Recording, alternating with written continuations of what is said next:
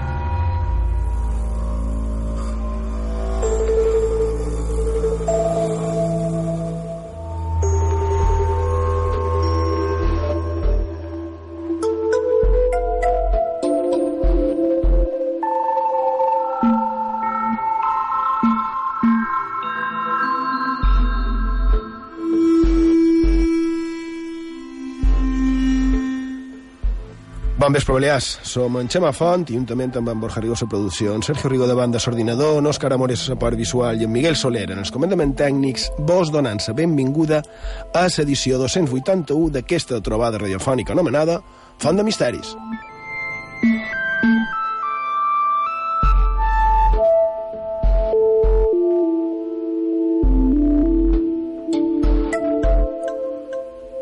Borja Rigo, bon vespre. Bon vespre. Sergio Rigo, bon vespre. Bon vespre, Xemà. Esteu bé de constipats i tal, ja. Sí. Tenc, eh, ara comencen a constipar Jo força. dijous cap vespre vaig tenir un moment de...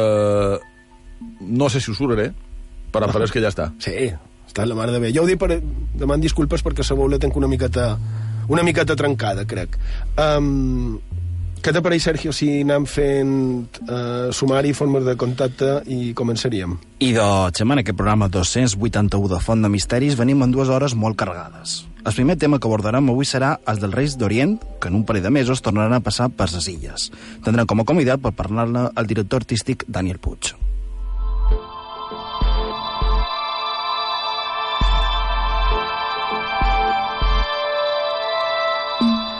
Després xerrarem sobre les darreres novetats del fenomen que es repeteix des de fa més de tres dècades a Medjugorje, a Bòsnia. Què hi ha de nou sobre les possibles aparicions que ja es van produir? També comentarem els estranys alliberaments que es van produir fa 30 anys i que han tornat a ser titular de premsa.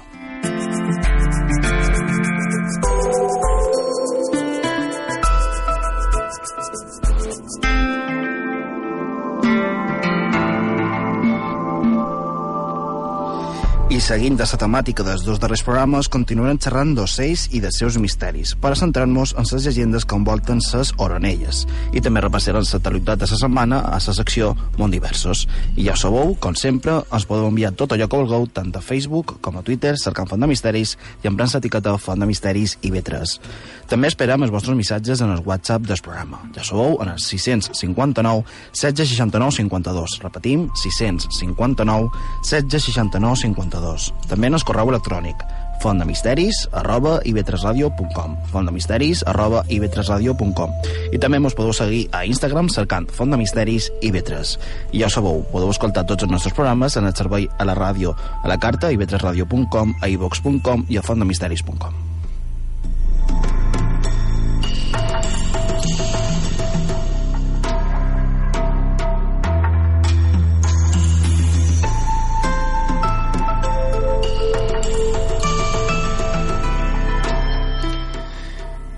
I de... començam. Començam... Um, Hi ha una cosa inclosa en el sumari que no t'he dit, Sergio Rigo. No, uh, no me sap greu, però... És una sorpresa. Sí, me Estan greu. misteriosos ara. Eh, sí, no, però ho he trobat adient. Um, bé, mentre fem una telefonada, ha un parell de cosetes molt ràpides. Eh, Aquesta setmana ha mort un altre dels grans del doblatge, un actor de doblatge a Espanya, eh, Luis Martín Carrillo, en el que per la seva fisonomia ningú coneixia, però que va posar veu a multitud de, dels millors actors internacionals de cinema, eh? i de Descansi en Pau, el tall zero que sempre tractant de posar eh, d'avui, precisament, quines coses, quina casualitat, perquè estava pensat d'abans, era d'un altre d'aquests grans del doblatge, d'aquí el nostre homenatge en els sectors de doblatge, que era en Pepe Mediavilla, en els que varen tenir la fortuna de conèixer, i el tall que hem escoltat, evidentment, era eh, ell recitant una de les rimes d'en Becker. I de Descansi en Pau en, en Luis Martín Carrillo. Eh, per una altra banda també molt ràpid se, segueix el tema aquest de la nina abandonada o de la jove psicòpata i ara entra en escena la que diu que és la mare biològica i de, per part nostra fins que no hi hagi una resolució judicial crec que no tornem a parlar del tema. Sergio Borja, si vos pareix, ho deixem així perquè això- s'està convertint S'està complicant circ. bastant el tema. Sí, més que res és que és un circ, sí. que es compliqui... Bé, però eh, que ara aparegui sa mare, digui una cosa, compliqui més les coses... No, no, no aquesta globalització d'aquesta manera, la globalització entesa des d'aquest punt, la veritat és que no m'agrada gens ni mica. No, me pareix una decisió bastant encertada i, a més, ja ho sabeu, en el meu cas particular som més de costar-me a un altre tipus de misteris, per així dir-ho. Uh, exactament. Uh, nosaltres també, ho dic en Sergio i jo, i a més, crec que estàs d'acord, no? Sí, Que dic, no, no sé ningú per Sí, parlar sí. sí. teu. Uh, però, clar, en aquest cas, mm, se'ns va comentar i si se'ns comenta, doncs nosaltres també ho comentam, no? Sempre deim que som, som o tractant de ser, millor dit, un punt de trobada i d'això és el que tractant de fer.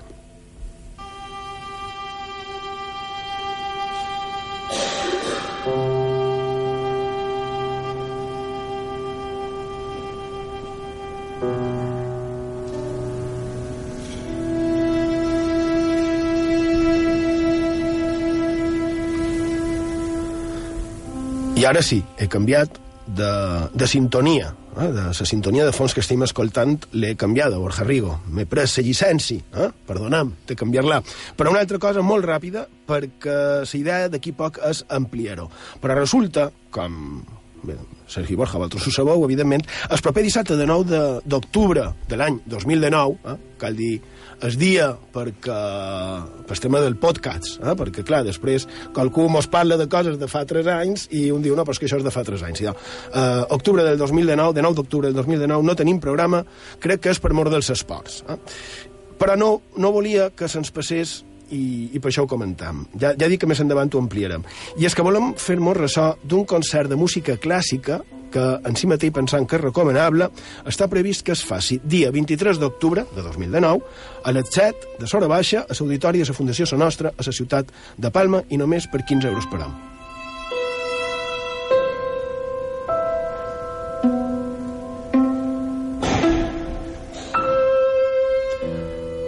Jo crec, Borja Sergio, que quan veieu per què ho dic, crec que, que vos, vos encantarà eh, és per què ho dic. I ara, ara en, en Xema diu això, pues, ho dic pels oients, perquè no mos veuen les cares, eh, tu si mos les veus, Sí, clar. estem posant cara de sorpresa, perquè no sabem molt bé. De com de que, de que baixa. Bé. Anem a veure. Està clar que la música sempre és cultura, però eh, en aquest cas, a part d'això, quan vaig saber de, del concert aquest, dic, molt bé, un concert, però va haver una particularitat que no és cara amores, me va fer veure i que me va cridar i molt l'atenció. Eh? Bé, pel tema de música clàssica i B3 Ràdio ja tenim en el nostre company, en Pere Estelric, que és un dels que més saben, sens dubte, les nostres illes i que, a més, fa eh, el programa La Ruta d'Orfeu, els diumenges vespres, aquí, a IB3 Ràdio, però deia que en aquest concert, en aquest cas, hi havia una particularitat. Són dones interpretant dones compositores. Així, tenim que na Maria Antònia Ponsestel, és violinista, estirà també na Miquela Gallà, que és violoncel·lista, i na Julia Martínez Bevià, que és pianista. Interpretaran obres d'en Schumann, d'en Mendelssohn i de na Mercè Pons, que és la que estem escoltant. I a part de que na Mercè Pons és illenca i que és, ja és ben reconeguda pel món dels músics, cosa estranya, no? i a més, a sent contemporània. A més, diuen d'ella que té certes particularitats que la fan inconfundible. Jo no som en absolut cap expert, però això diuen els i les que saben. Però tot això anava ara pels altres noms. He dit Schumann i Mendelssohn. Supos Sergio, Borja, Miguel, tots sabem qui són en Schumann i en Mendelssohn. És així. Efectivament. Vale. Fins, fins ara, sí. Vale. I sabeu quina és la particularitat? Que no són en Robert Schumann i en Félix Mendelssohn, sinó que són dues dones amb els mateixos llinatges i que varen ser eclipsades pels homes. Els llinatges, evidentment, no són casualitat. Eh? En el cas de Nafani Mendelssohn, era germana d'en Félix Mendelssohn.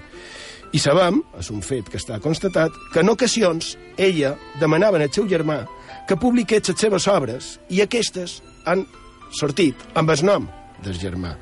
De fet, a la seva època no hauria pogut veure les seves obres interpretades. I de quin és el resum? Que tindrien que part de les obres atribuïdes a en Félix Mendelssohn n'hi ha que són seves i n'hi ha que són de la seva germana.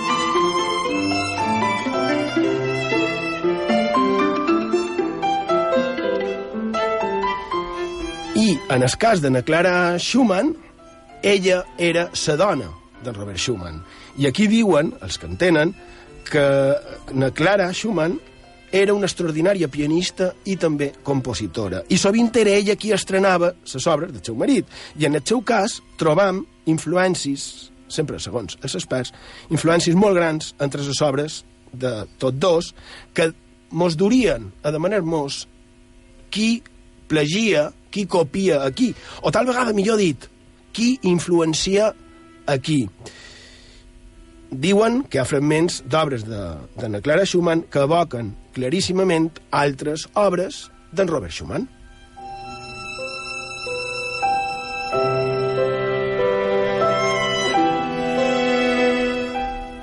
I amb això, amb aquest concert de, de música clàssica del proper dia 23 d'octubre a la Fundació Son Nostra de Palma, a part de gaudir com a tal de, del concert, jo crec, el manco jo, que en els que feim Font de Misteris això mos dona una idea, no? Tu estàs fent que si en socapet, Borja Riba... Jo fa un ratet que estic rumiant certes Exactament. coses.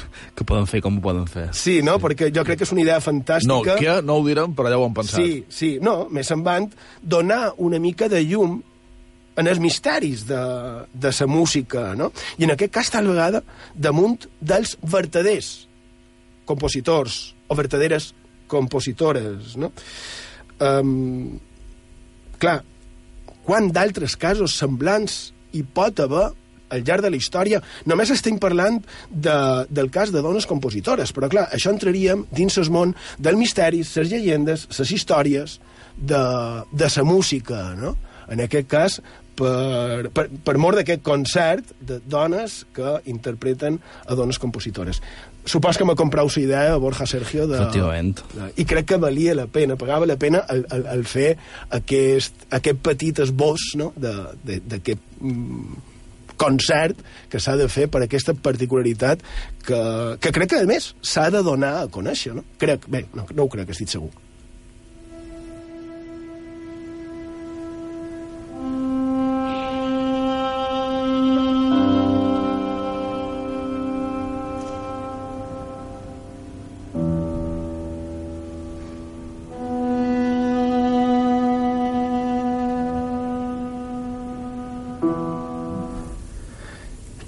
I seguim, ara sí, Sergio, el que has dit en el sumari, i, i sí, sé que pot sorprendre una mica, però ara mateix ens estem posant en contacte telefònic amb el responsable de la colcada dels Reis d'Orient a la ciutat de Palma.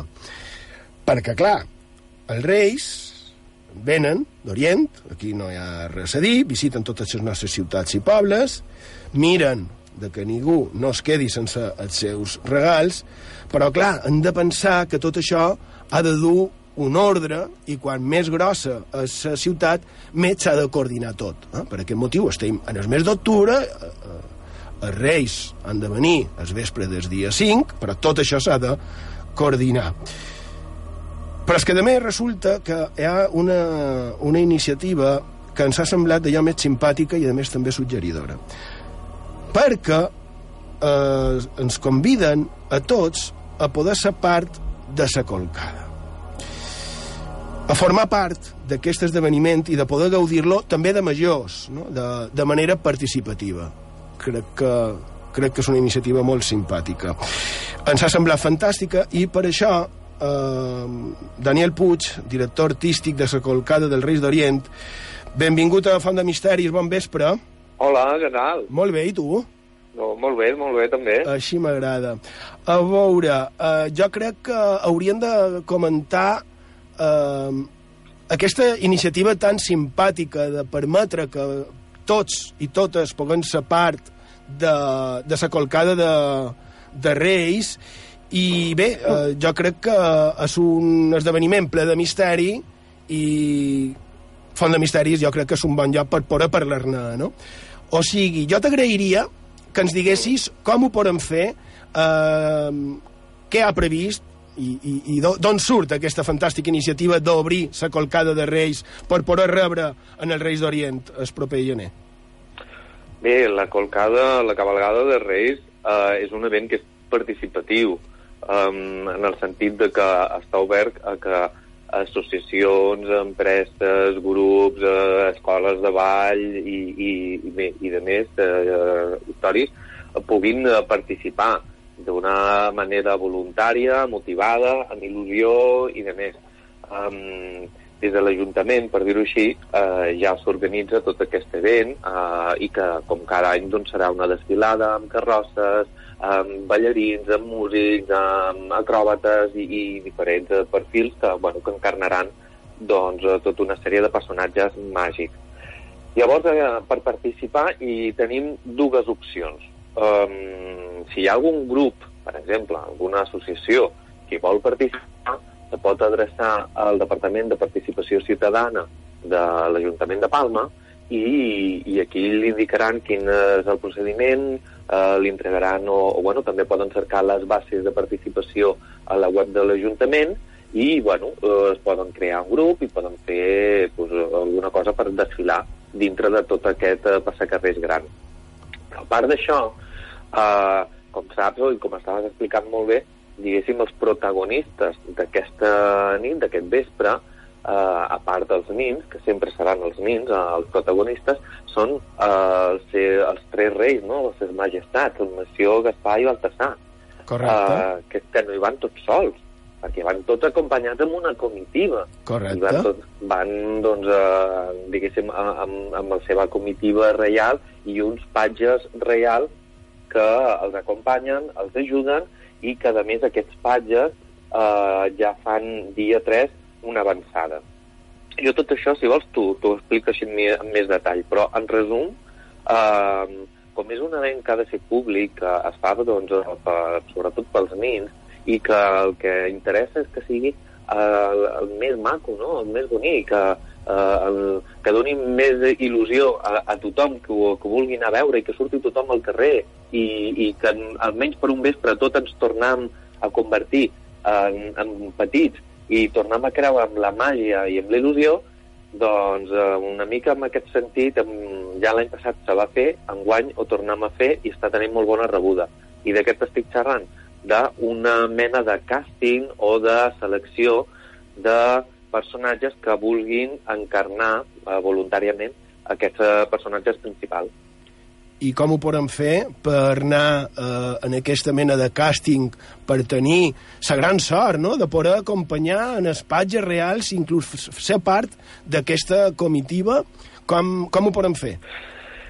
Home, sí, Xema, és una sort, però també és una obligació i és una responsabilitat, perquè Totalment. pensa que per un vespre seràs un rei o seràs un patge, que em sembla que eh, no és tan important, i sí que, sí que ho són. Els patges realment tenen una feinada i, i, i són, són, són molt importants a tot el que fan. I tant. Um, dimecres, uh, dimecres 16, a Sora Baixa, a partir de les 6 i mitja, en l'Escap Redó, en el centre cívic que hi ha en l'Escap Redó, uh, a Palma, uh, s'ha convocat aquest càsting. Llavors, totes les persones que hi vulguin participar uh, dintre de, uh, bueno, que, que compleixin aquests perfils, és a dir, que vulguin participar uh, sent o el rei o un dels patges, s'hi poden apropar i poden, uh, i poden optar al uh, dia 5 doncs, uh, encarnar en algun d'aquests personatges. Fantàstic. El proper dimecres 16 d'octubre de 2019 en el centre de Can Redó, saps la direcció o no? Mira, jo ara de memòria no m'ho No, sé. jo tampoc. No, no. De tot- Can Redó, sí, això està de vora de Corea. Quan vas, diguéssim, cap a Sofimax... Ah, sí, sí. sí. Eh, no I és recordo el nom del carrer. El mercat, bueno, el mercat em sembla que ara està tancat. Sí, el que era no per prop de on era el mercat del Can Redó. De totes maneres, si no, Mhm. donarem ara, si t'assembla, eh, el correu electrònic que en Sergio l'ha de tenir perquè nosaltres hem escrit, ja t'ho dic, també. Mm? Molt bé. Des, de Font de Misteris eh, també eh, volem ser part de- d'aquesta, el manco d'aquesta iniciativa que, que heu tingut i que, i que la veritat, independentment de l'èxit que va ser l'any passat, que, que consta, perquè més la premsa així ho va dir, o sigui, és una dada objectiva, a part d'això, crec que, que és una idea fantàstica, ho dic, ho repetesc. Podries donar, Sergio Rigo, si vols, el correu electrònic de participació ciutadana de l'Ajuntament? I el correu és participació ciutadana arroba palma ar- puntes. Repetim, pa- participació ciutadana arroba palma puntes. Val. Eh, I això també pels grups que vulguin formar part, perquè encara se poden apuntar a ser part d'aquest esdeveniment. Dani. Sí, podeu utilitzar aquest correu electrònic va? i us contestaran eh, els tècnics de l'Ajuntament responsables de, de tot l'esdeveniment i allà mos, eh, vos acabaran d'informar. Perfecte. Um, diguéssim, per dia 16, 16 el que farem serà aquesta uh, ullada, selecció, càsting, com el vulguis anomenar, de les persones que vulguin encarnar els personatges principals, és a dir, algun dels tres reis o alguns dels patges que uh, els acompanyaran. Però també que teniu un grup, uh, per exemple, o sou una escola de ball, o una escola artística, per exemple, o sou una empresa i voleu sumar-vos a, a la sa cabalgada, doncs eh, escriviu en aquest correu electrònic i, i allà vos informaran quins són, eh, quin és el protocol. Fantàstic. Um, per dia 16, el que sí que s'ha de tenir en compte que, clar, eh, les persones que vulguin participar han de complir un requisit, perquè mm, no tothom pot, eh, diguéssim, ser un rei. Malauradament, No, està clar. no tots. Eh, eh, evidentment. no, no ens agrada despreciar, però hem de ser una mica coherents i lògics, no? Eh, no, sembla? eh, jo crec, però, jo, jo crec, Dani, que, que no fa falta explicar-ho. Vull dir, és, és lògic, és sensat el que estàs dient, i a més, crec que no fa falta tampoc entrarien en, en, en el per què i el per què no. Uh, Bé, perquè la gent ho entengui, tothom serà ben rebut, totes les Evidentment. iniciatives seran eh, escoltades i totes les candidatures eh, doncs, doncs, eh, seran entrevistades i, i tal. Eh, perquè sí que una cosa per mi almenys és molt, molt important, és la motivació, la motivació i la il·lusió. Pensa que si no fas eh, aquest, això amb il·lusió no hi fa falta. Eh, I això, lo, lo bo que tenim tot l'equip que hi treballem és que any, any rere any mos fa moltes ganes. És molt dur, però mos fa moltes ganes. Llavors, a l'Ajuntament estan penjades, la pàgina de l'Ajuntament estan penjades les bases de la convocatòria del càsting i bé, bàsicament el que explica és que les persones que hi vulguin eh, optar eh, a ser algun d'aquests eh, personatges principals han de eh, complir uns requisits eh, bàsics, és a dir que, eh, per exemple, han d'assemblar-se mínimament, físicament, a l'imaginari col·lectiu Clar, que per representen aquests personatges. per això deia que no tenia, no feia falta aclarar-ho. O sigui, en, en Sergio, per exemple, mm, que és molt jovenot, mm, no, no tindria com a, com a visibilitat com a, com a rei, mm, no, està claríssim. No Potser no seria una, un candidat, diguéssim, eh, realment idoni per fer un personatge de rei, Correcte. però, per exemple, si els hi fa il·lusió, van, mos va passar l'any passat que van venir doncs, un parell de lots que els hi feia molta il·lusió participar, col·laborar, estar dins d'aquest esdeveniment. I eh, ells realment venien perquè volien fer patges. Pensa que els patges, clar, la gent no en xerra tant, però els patges són molt importants. Per què? Perquè acompanyen els reis en tot moment. Llavors, eh, on vagi el rei, allà va el patge, perquè l'han d'ajudar a pujar, a baixar, a portar les seves coses, a portar els regals, perquè es porten, ja saps, Sí, or, sí, i mirra. Um, a més, dia 3 sempre es fa la presentació dels patges uh, a cort. Uh, enguany segurament, bueno, també segurament serà així, i um, ells eh, arriben amb una petita desfilada, reben les cartes dels nins, se fan fotos, Exacte. eh, llegeixen una petita poesia on s'anuncien que dia 5 arriben els reis, vull dir, són uns personatges molt, molt importants. Totalment d'acord. I com a tal ho hem volgut dir a, a Font de Misteris, tant eh, un cas com l'altre, com la participació ciuta- ciutadana.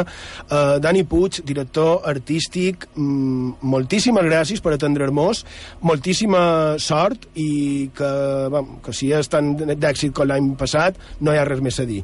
Eh, bon vespre, moltíssimes gràcies i prenen nota, nosaltres els primers, ja ho hem dit. Moltes gràcies a tots. Fins aviat.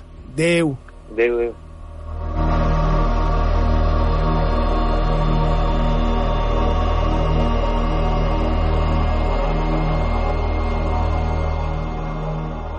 Font.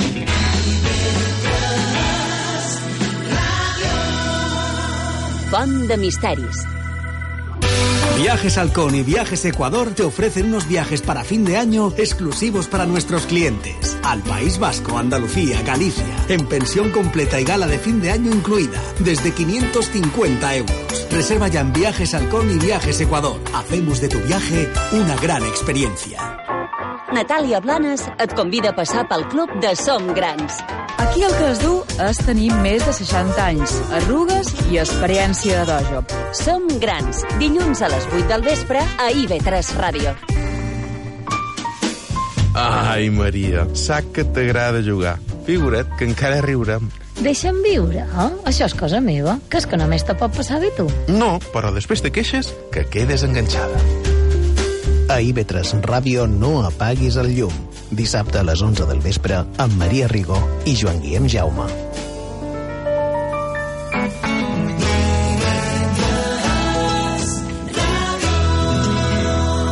A Menorca, 88.6. On la història es torna llegenda, a on el més quotidià es torna màgic.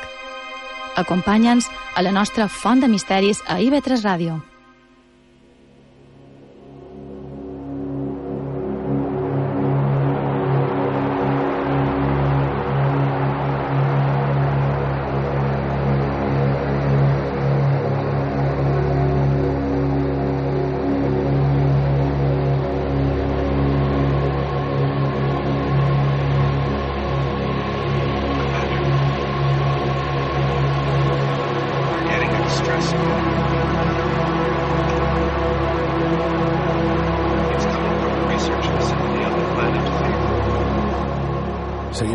Misteris, a sintonia d'IV3 Ràdio, la ràdio pública de les Illes Balears, i seguim amb els temes que ha comentat en Sergio en el sumari.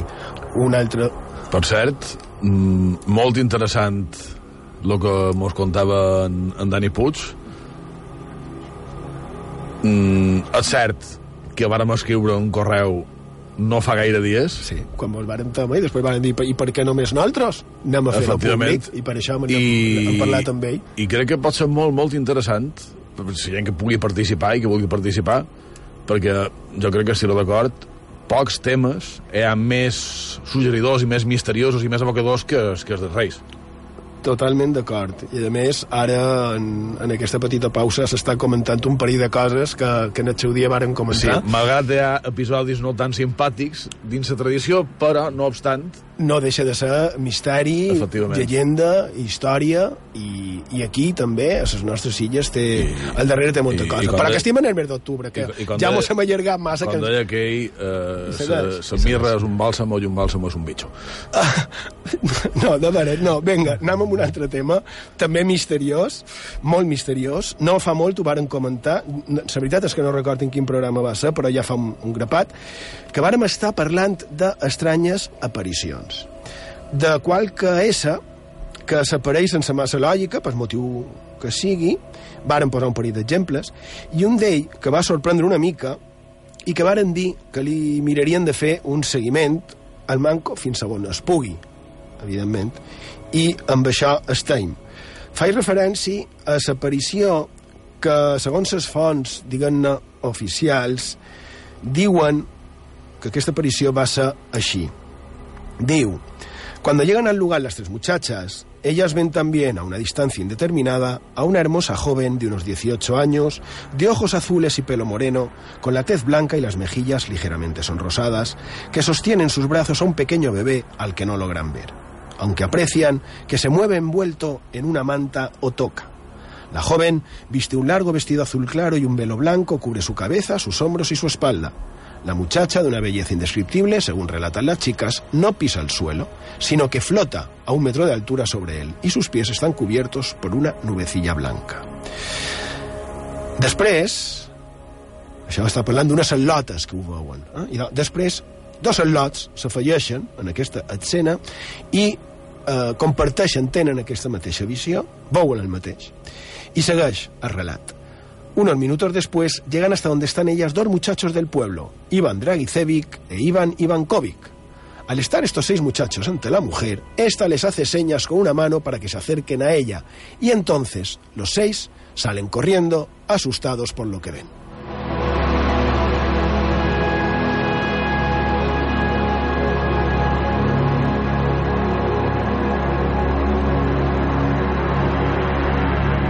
Això va dia 24 de juny de 1981. Diu, sucede el acontecimiento que logrará dar un vuelco a la vida de la aldea. Algunos adolescentes ven una silueta femenina luminosa en el caminito que bordea el Potbro.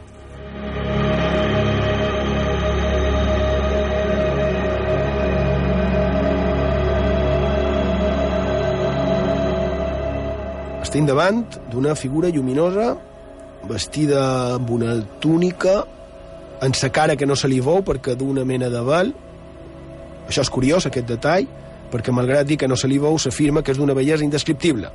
I que a més sura perquè diu que no toca cantar o sigui ja ho tenim tot. I no és un cas d'un albirament clàssic eh, si se'm permet dir així un albirament clàssic d'OVNI.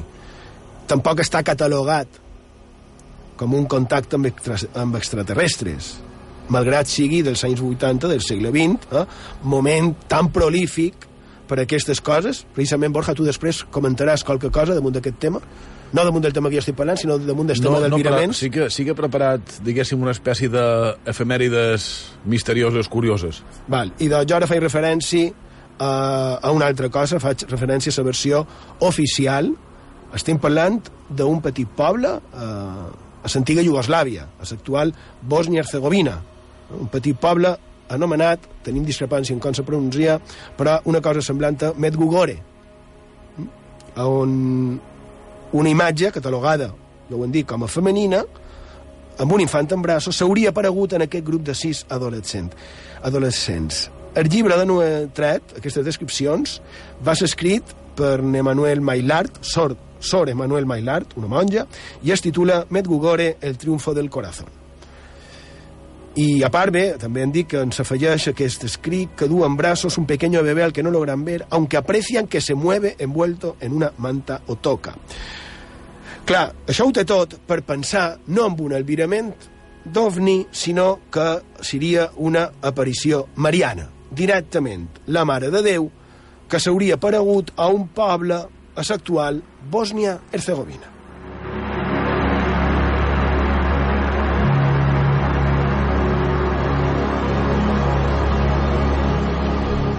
I quan vàrem parlar d'aquest tema, que el vàrem també comentar ens varen quedar amb les ganes de saber com acaba. Què s'ha fet? I d'això se li ha fet una mica de seguiment, també en quina situació està el tema. I estic davant simplement del que varen dir que varen veure un grup de lotes i lots, o verdaderament pot ser que hi hagi qualque cosa més al darrere. I de...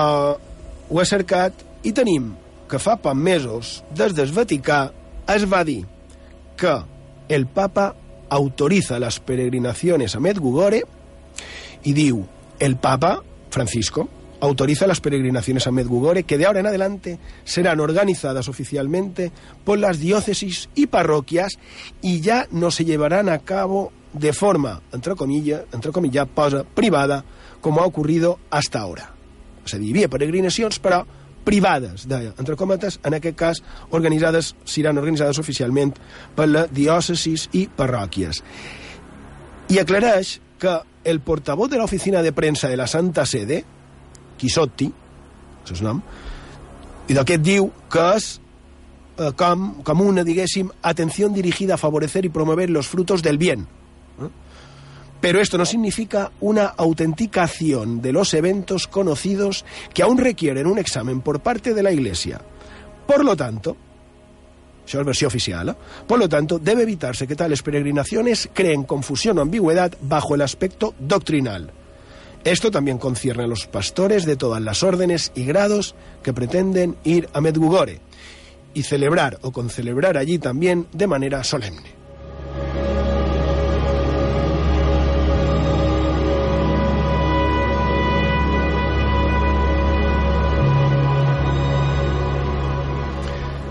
És a dir, que per part del Vaticà se diu no, no diuen que siguin autèntics, però al manco tracten d'institucionalitzar-lo mm, per evitar tal vegada una mica de descontrol, perquè al cap i a la fi es tractarien, el que es fa, de peregrinacions.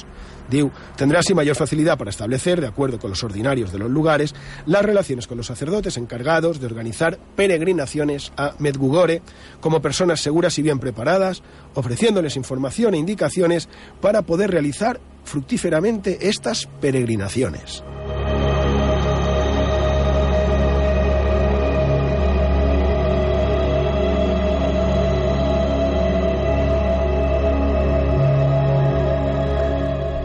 Repetint sense entrar a valorar que queda clar que no és que acceptin com a dogma de fer aquestes visions ni peregrinacions, malgrat haver enviat un visitant apostòlico especial per a la parròquia de Medjugorje per un període indefinido i ad nutum sancte sedis, a disposició de la Santa Sede.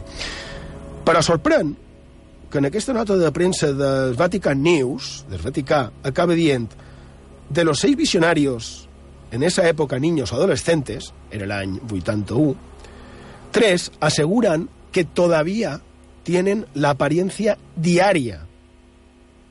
Si ja pot posar aquesta cara. La apariencia, la apariencia diaria de la reina de la paz. Ho diuen. Siempre a la misma hora de la tarde y donde sea que se encuentren. Després dius qui són i que fins i tot n'hi ha un que viu als Estats Units, també, eh, i després n'hi ha una altra visionària que es diu Mir Mirjana, que diu que recibe una aparición cada mes, el día 2, mientras que para los dos últimos niños de Medjugorje esto sucede una vez al año.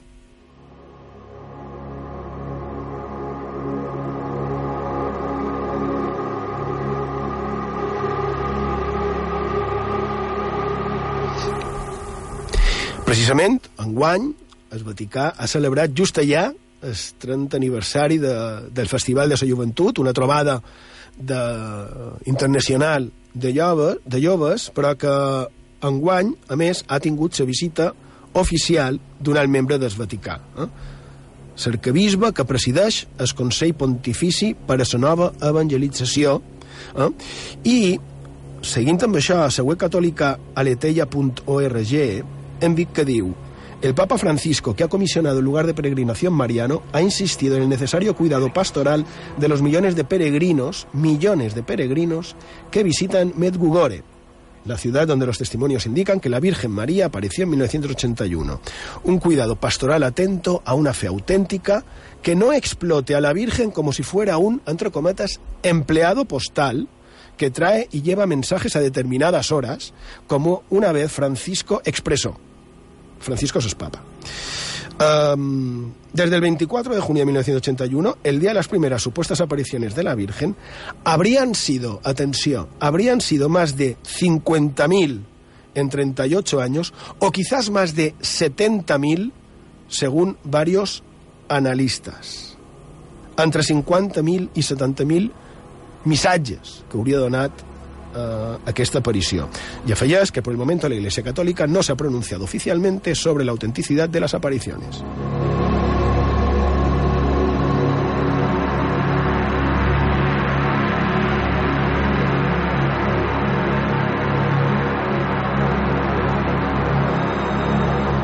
Bé, i de varen dir que ho comentaríem, i d'així estan les coses. Una aparició que hauria donat més de 50.000 missatges, que més crec que els podeu trobar a la xarxa, no sé si tots o no, però qualcun sí que n'hi ha.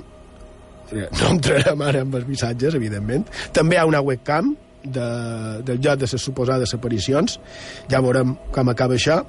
Que, per cert, crec, la veritat és que no estic segur, però tem per mi que qui ha de decidir qualque cosa o ha de tenir qualque cosa a dir és, clar que sí, el prefecte de la congregació per la doctrina de la fe que no sé si recordau, vosaltres sé que sí, Borja i Sergio, però ho diguérem aquí a Font de Misteris quan varen anomenar en aquest prefecte de la congregació per la doctrina de la fe eh, perquè és el cardenal illenc en Luis Francisco Ladaria Ferrer hm? i i bé, com varen dir, seguirem a sobre perquè el tema és molt, molt interessant. No? Ara imagineu que millor tal vegada aquest mallorquí ha de decidir si, o contribuir a decidir si això és o no és una, una aparició verdadera no? de la Mare de Déu, quines coses, no? És, és molt interessant, crec que també qualque dia hem de parlar d'aparicions marianes també aquí, a les nostres illes um, jo crec que ja està ara de moment això és el que hi ha i haurem d'esperar a mem com acaba aquest, com a mínim, estrany i sorprenent cas de, de moment, suposada aparició mariana.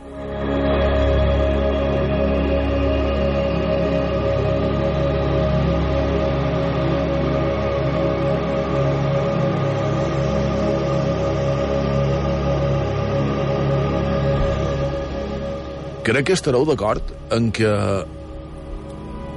la suposada casuística d'aquesta història parlaves d'entre 50.000 i 70.000 aparicions, que són una barbaritat absoluta. Crec que és, un, és una xifra increïble per ser un dels casos d'aparició mariana al manco pel gran públic més poc coneguts o més desconeguts. És, és precisament aquests és els temes, perquè mos varen dir i, i, i de què esteu parlant quan, Perquè, quan, quan van parlar si, d'aparicions. No? Si uno compara amb, amb Lourdes o amb Fàtima o amb, amb històries semblants, aquest poble o ciutat impronunciable sí, guanya per, per sí. golejada. És a dir, és, és, és que estem parlant de 50.000 això, és que, això és el que diu aquesta Entre 50.000 i 70.000. Entre 50 i 70.000. Que, que n'hi ha 20.000 més enmig. 20.000 missatges. Clar, I ara, ara podem eh, parafrasejar en, en Juanjo Benítez i dir si sols una aparició fos certa, ja estaria. Per cert, en Juanjo Benítez darrerament eh, també li han de fer un seguiment, ha fet unes declaracions, per, pel que he vist, molt polèmiques, que fins que no constati eh, de manera oficial el que ha dit Juanjo Benítez, eh, prolífic escriptor, autor de Caballo de Troya, que ha fet un... I ara acaba... Un, ha, ha, fet, ha donat trates de res, el diari de Liceu va sortir aquesta mateixa setmana. Sí, i amb una entrevista va fer unes declaracions que, que realment, si són així, mm, seran molt, molt polèmiques.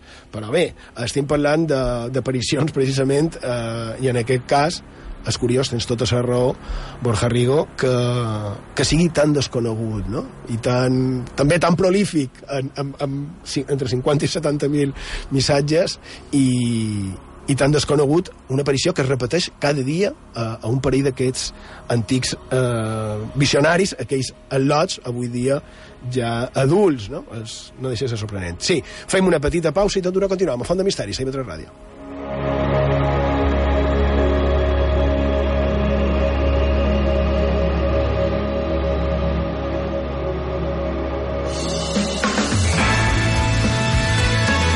Escoltau la ràdio pública de les Illes Balears.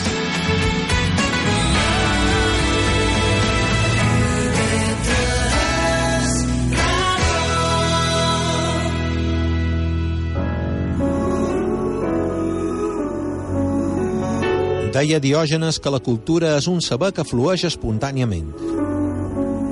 Si acabeu d'arribar a casa, us ve de gust estirar-vos sobre el sofà i relaxar-vos, Nura és el vostre programa. Tot el que voleu saber sobre el món dels llibres, la història, l'art o el patrimoni. Una temporada més i esteu convidats. Nura, a IB3 Ràdio, de dilluns a dijous a les 10 del vespre.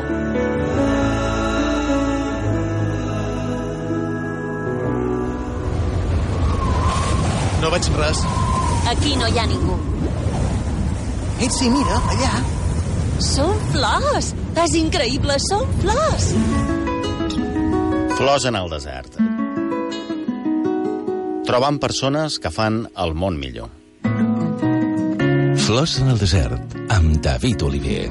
Diumenge a les 9 del matí, a IB3 Ràdio. IB3 Ràdio és patrimoni. Misteris i llegendes a Font de Misteris, amb Xema Font.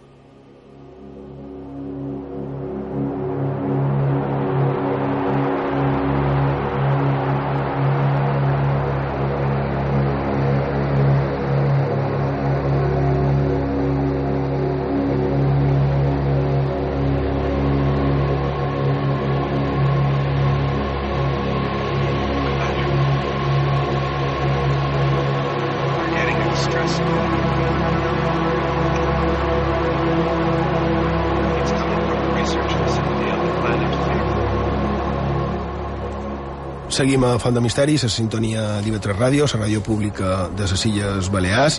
A les Pitiuses mos podeu trobar en el 93.7 de la freqüència modulada.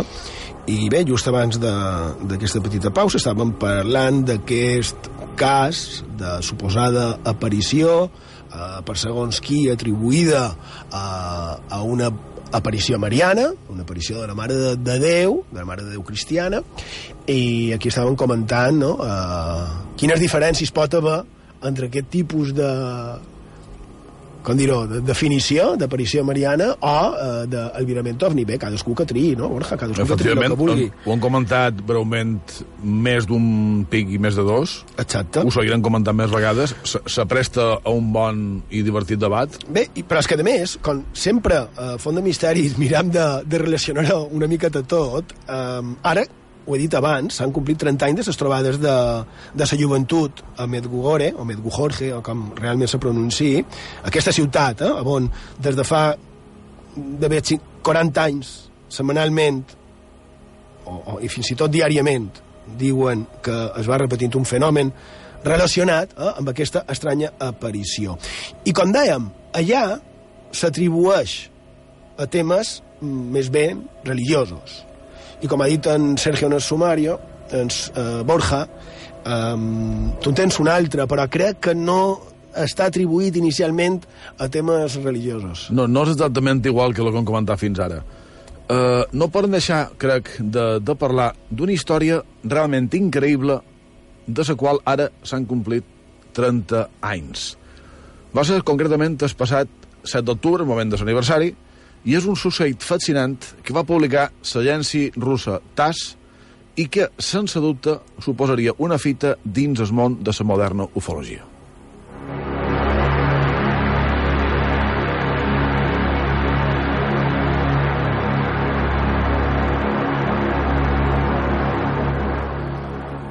Durant aquell mateix cap vespre, com deia 7 d'octubre, eh, un com alta, principis de, de tardor, mos trobam amb una imatge també típica. Un grapat de lots jugant en el parc també de nom impronunciable, Levobereznik, a la ciutat de Voronez. De sobte, una gran llum, deien els testimonis que entre color rosat i groguenc va aparèixer en el cel. A continuació, va volar perillosament ben a prop de les taulades de les cases i, finalment, atenció, va aterrar ben enmig d'aquell parc. És a dir, no és un aterratge remot a una muntanya a les fosques, no. Un cap vespre normal enmig d'un parc com si passés aquí a, a ciutat. Aquella llum ja mostrava el que en realitat era una esfera una mica aixafada pels costats.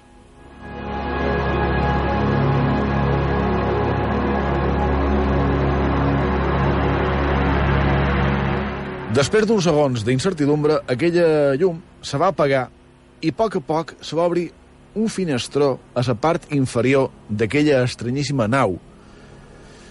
I, posteriorment, uns quants éssers varen botar a terra davant, evidentment, l'immensa incredulitat dels habitants de Boronez. I què varen dir els testimonis segons va publicar l'agència TAS? I del que de la nau varen sortir entre dos i cinc éssers d'uns 3, d'uns 3, perdó, metres d'alçada. Això, lo dels 3 metres d'alçada, se torna a repetir, fa setmanes vàrem apuntar aquest, aquest detall, és molt recurrent, crec que estareu d'acord.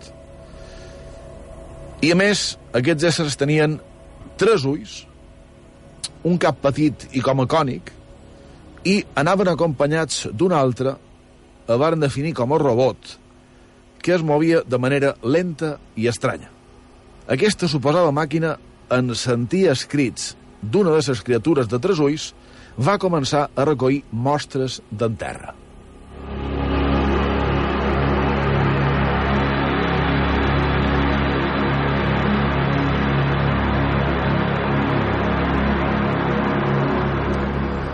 Fins aquí, també crec que estareu d'acord, tenim un cas verdaderament desconcertant dins el que ja de per si és un fenomen estrany.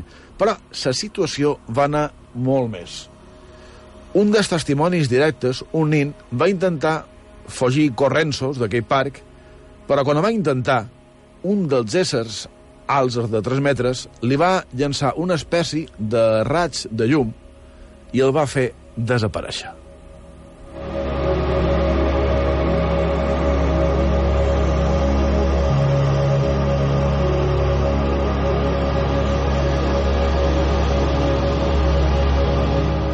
Seguint la informació de TAS de l'any 1989, aquelles criatures se van passejar de més 5 minuts davant dels testimonis i recollint mostres. Després se van tornar a ficar dins l'aparell i aquest se va enlairar. Ara, reprenem, si voleu, punt sobre aquell nin que havia estat ferit per rats de llum, deia que havia descomparegut, però en el moment precís en el qual precisament aquella nau desapareixia, ell tornava a compareixer en el parc. És a dir, no era mort, simplement s'havia desmaterialitzat, per així dir-ho. Aquell suposat ovni havia partit, però la història no acaba, evidentment, aquí ni, ni d'on fora.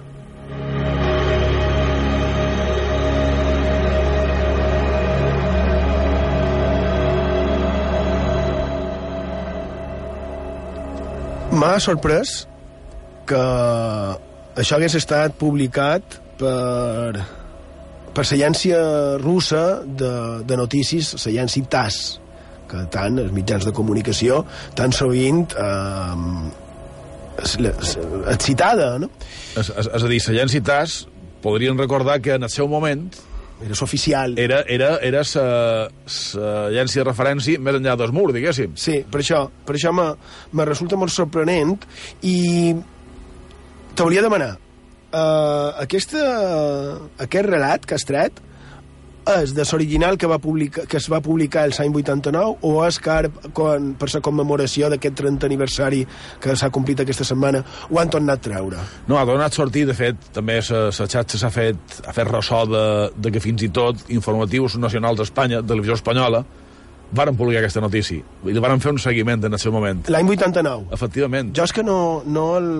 recordava una mica, però no que fos tan oficial. Ho recordava No, com un no, cas més. No havia sentit mai aquesta I doncs, és un, és un dels casos, eh, jo el tenia guardat, diguéssim, com, a, com un dels casos per tractar i tenir en compte, perquè és que, fil, el que he contat, és a dir, imagineu, un cap vespa normal, eh, un parc, ara estem a Palma, el parc de les estacions, per dir qualsevol cosa, compareix un ovni de tamany considerable, surten tres senyors de 3 metres d'alçada amb una espècie de robot, li disparen un raig a un nin i el fan descompareixer, agafen mostres, aquests éssers criden en el robot perquè faci feina, una cosa estranyíssima, i es cap de 5 minuts se tornen a ficar de dins, aquella nau parteix com un llamp cap al cel i aquell nin que havia desaparegut, imagina't el que havia passat, mm, torna a compareixer. És a dir, és, és increïble. No, la veritat és que sí.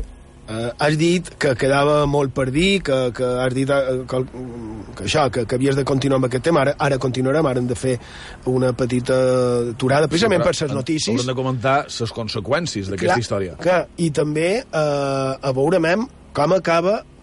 Ja m'ha vengut en el cap eh, un, un cas, i és el cas de Calo Tuent, a Silla de Mallorca, que varen comentar fa, no sé, un, un any o, o no sé quant. Uh, bé, feim una... Fa- Si t'assembla... No, Efemèride, un any just. Ah, mira, no, eh, tens una memòria que ja la voldria per jo. Uh, bé, mm, ara d'aquí un moment continuarem parlant d'aquell estrany, estranyíssim cas del virament.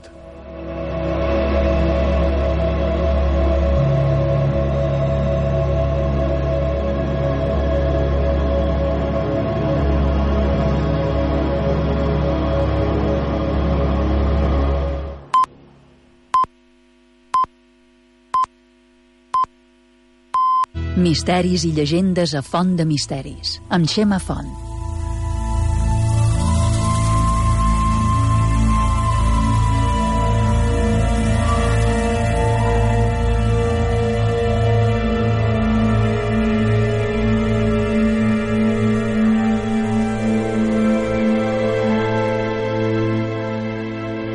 I doncs seguim a Font de Misteris, a sintonia d'Ivetre Ràdio, la ràdio pública de les Illes Balears, i estàvem parlant, abans de res, Sergio Rigo, formes de contacte, um, per si voleu comentar qualsevol de les coses que estem dient en el programa d'avui. Abans hem parlat d'aquesta possible o suposada aparició mariana a Medjugorje i just abans del bolletí informatiu Borja, parlaves d'un albirament.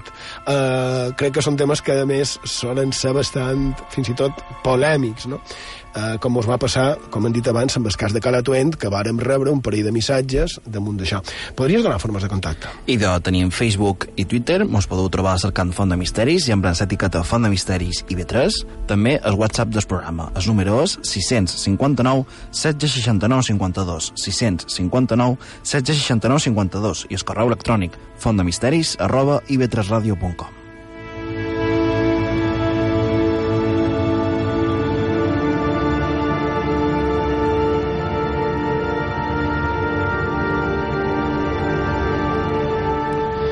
I recapitulant amb el que estaves contant tu, Borja, eh, a un parc, una hora baixa del mes d'octubre de l'any 89, devia ser, perquè has dit que feien Efectivament. 30 anys, una, el que coneixeríem com un ovni, eh, una esfera amb els costats aixaf, eh, aixafada, una cosa així has dit abans, eh, s'apareix, surten tres gegants, eh, tiren... Amb tres ulls. Amb tres ulls, no sé què cònic, eh, un robot que agafa terra, tiren un raig, fan desaparèixer un al·lot, un boix, torna a comparèixer quan se'n van, i dius, però això no acaba aquí.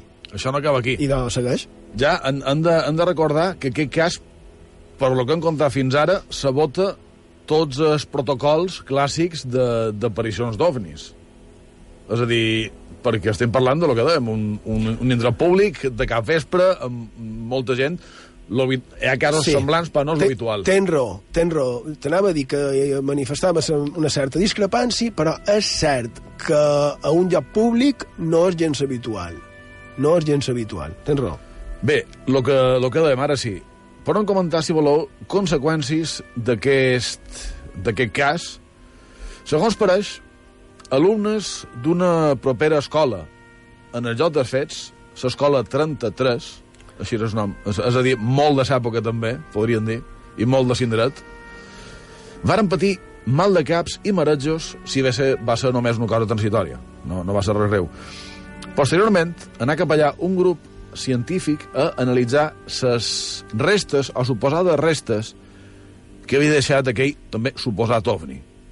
Unes marques en el terreny en forma de petits forats i una espècie de bolles de petit tamany fetes de rovell de ferro.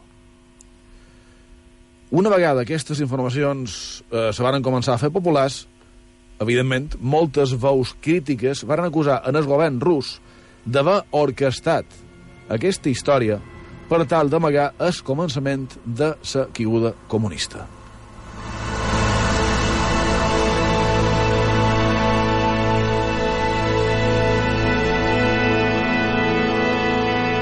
Ara van de continuar, no sé si voleu comentar res damunt aquest, aquest punt, però un pensa per ventura que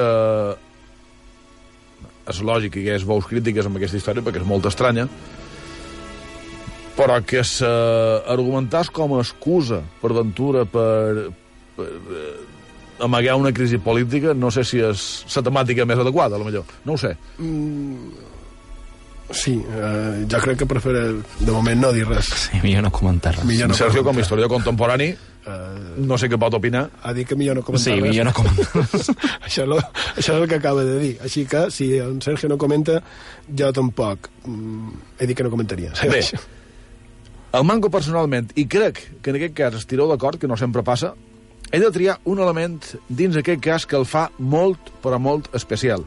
Me referesc a l'emblema que, segons alguns testimonis, duia aquesta nau.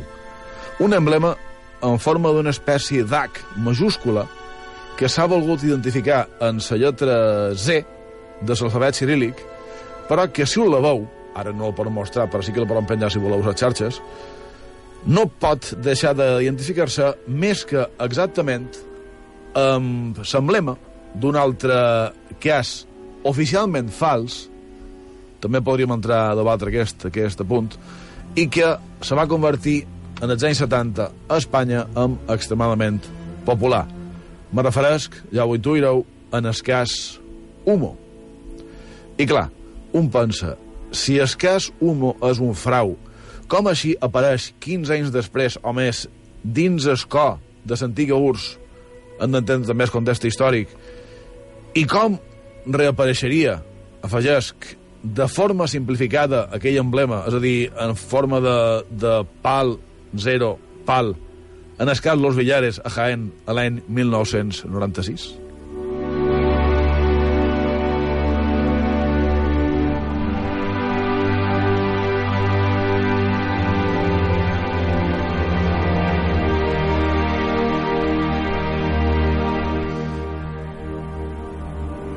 Estava ara pensant amb, amb això del, del robotet aquest. I amb això de sac d'humo, d'escàs, conegut com a humo, i relacionant tot el que has dit, d'aquesta mena de desinformació per la caiguda del règim comunista i perquè va passar per aquells anys que va caure el règim comunista a més ho, ho record perfectament perquè per, per tu Sergio és història No havia nascut. però, uh, clar, jo, jo uh, Jo, que som un poc més vell que en Sergio, record. Tu eres un nin, es, però- Es dia de caiguda del mur de Berlí, per exemple. però jo era, jo era més, ja més, una miqueta més que, que un adolescent, i ho record, i ho record perfectament. Va haver una obertura cap al món, i a lo, mi- no ho sé, tal vegada, després d'haver estat tan tancats, a lo millor ni sabien que existia el cas Humo, ni que podria existir NR2D2, perquè en R2D2 tenia eh, R2D2 és, és el robotet de, del que per la meva generació va ser, ara no es diu així, però va ser la Guerra de les Galàxies, Per altres Star Wars. eh, per altres Star Wars, però va ser la Guerra de les Galàxies, perquè es deia així, i si no record malament, mm, la, la varen posar en Esborn, en el cine Born, eh, que estava en el carrer de, d'Esborn, de la ciutat de Palma, que segon me va tocar allà, no? Crec que va ser allà. Però tot això ho dic perquè me dona molt la sensació que és això, que és una mescladissa de, de coses de que molt havien d'elements. sortit a premsa anteriorment. Però no? aquí, si me permeteu, vull discrepar un poquet en tu, només un poquet, i hem de tenir en compte, crec que ens estirà d'acord, en que el règim totalitari funciona com a barrera, però de, en aquest cas seria d'Occident cap a Orient. És a dir, Occident no podria veure el que passava a Orient. El poble d'Orient no podria veure el que passava a Occident. Clar. Però no estem parlant de qui orquesta aquest tipus de situacions. En el cas que sigui un cas orquestat. És a dir, els que, els que estan a les cúpules d'aquella època sí tenien, evidentment, coneixement real de lo que havia de passar en el món exterior. sí, però... I clar, això hem d'entendre que si és un cas inventat, eh, jo penso, com a eh, suposat agent d'informació o desinformació del govern de Saurs, no agafaré un... Bé, millor sí, perquè Saurs, no ho sap, però... Saurs, pels més joves, era la Unió de Repúbliques Socialistes Soviètiques que arrel de la Segona Guerra Mundial es varen constituir tot el bloc de, de la part eh, oriental d'Europa, que era un règim comunista tancat al món. Però clar, si tu has d'inventar un cas i després ho has de, ho has d'exportar al món, que sí que ha conegut el cas anterior, no en aquest cas el cas Humo, perquè sí va tenir molta Però- difusió en el seu moment, Ja, però, no emplearies el mateix emblema. però, Abans, però jo no crec que fos orquestat des del govern, sinó que qualcú va dir que havia vist això, tal vegada duit per la seva imaginació. Ja me sona... Uh, uh, el que en castellà perquè tothom m'entengui Encuentros en la tercera fase La guerra de les galàxies i el caso Humo tot mesclat feim això i hem dit que han tingut un albirament ovni. Me sap greu. Uh, som, tal vegada som massa pragmàtics, massa objectiu, o, o trat de ser-ho o analitzar-ho.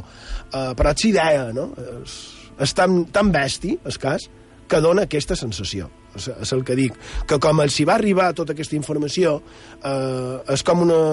A vegades s'ha d'anar alerta amb el que es diu en els mitjans de comunicació perquè hi ha gent que pot com dir-ho, efecte cridada, està eh, predisposat a veure coses que tal vegada no està veient, a fer volar la imaginació, etc. No? No, no trobeu que pot haver part d'això? Tal pot, vegada. pot haver part d'això, però en el final sí que té elements estranys, eh, Sí. molt més estranys de l'habitual, dins lo estrany que és el tema. Ho han comentat abans, crec que ha estat... És que no sé si ho he dit, quan estàvem en, eh, amb el bollet informatiu, ho he dit en, en Ventana, no, no me'n record, de, del cas de Calatuent. Ho he dit en Ventana? Ho he dit en Ventana? Miguel Soler? De- citat, el Sí? cas, sí. Val.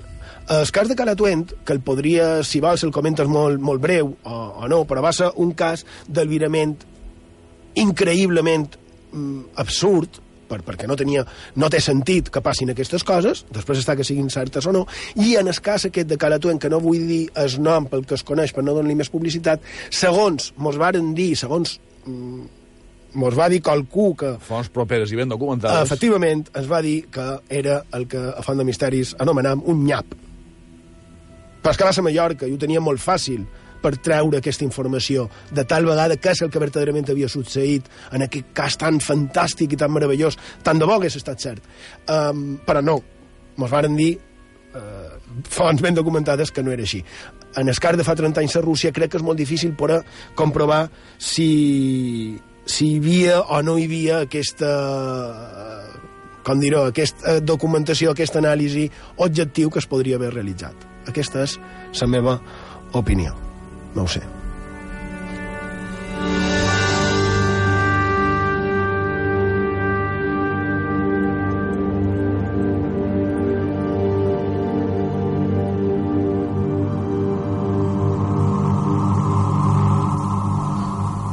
Bé, deixem el cas que es va conèixer com el del gegant de Boronez i que, com deia, tampoc és el més conegut, però sí va tenir transcendència en el seu moment.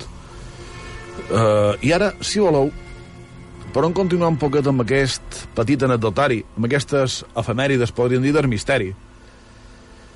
I hem de parlar d'una informació que varen publicar diversos mitjans nacionals com El País i altres, no, no fa gaire dies, i mos quedam, si voleu, amb el titular, que ja de per si és ben curiós. Diu, el ovni que se estrelló en la costa atlántica ante la incrédula mirada de unos pescadores canadienses. Y afegeix, el país norteamericano presenta una moneda conmemorativa de la presunta caída de una nave extraterrestre en octubre de 1967.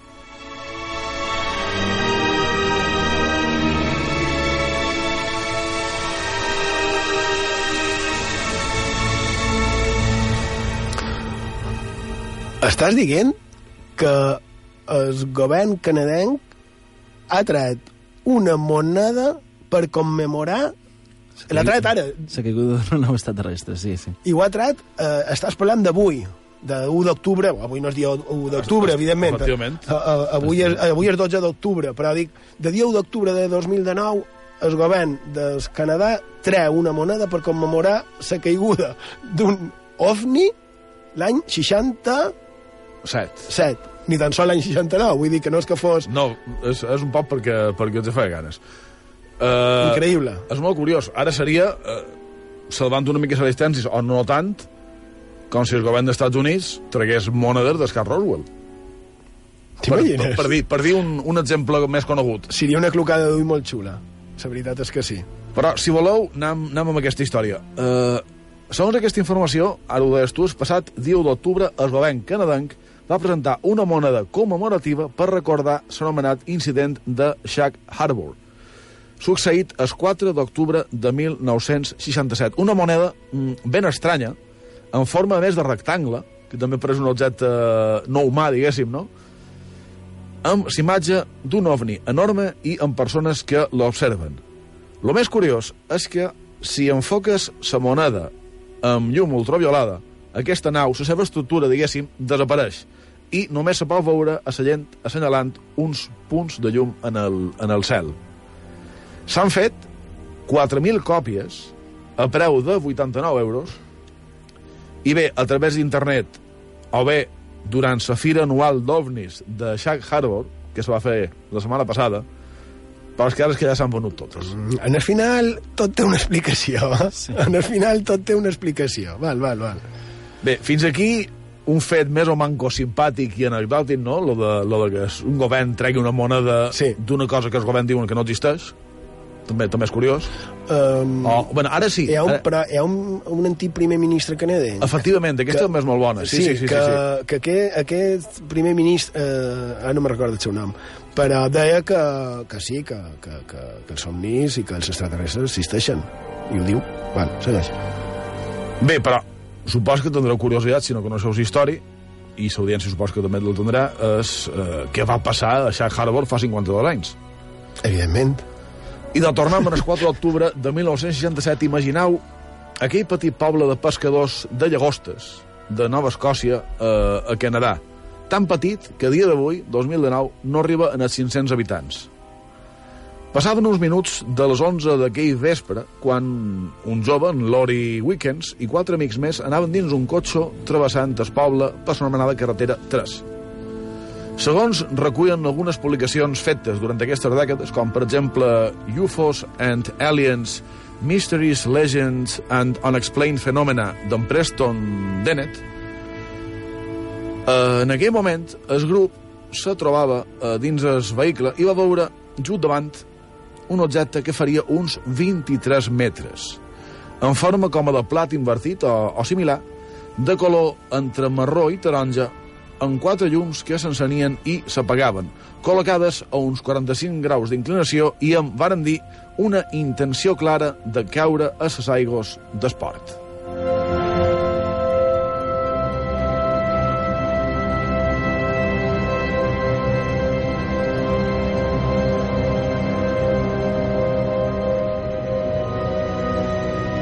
Després, aquell objecte va caure precisament dins la mà fent una gran explosió i una gran llum. D'altra banda, un policia d'aquell poble, en Ron Pont, havia vist també aquelles estranyes evolucions eh, a l'aire d'aquell objecte i havia vist també com caia a la mà. I, evidentment, li va cridar molt l'atenció fins en el punt de pensar que se trobava, atenció, és un detall important, davant un aparell no humà.